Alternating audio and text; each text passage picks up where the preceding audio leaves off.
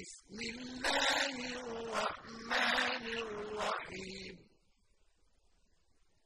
ألم تر كيف فعل ربك بأصحاب الفيل؟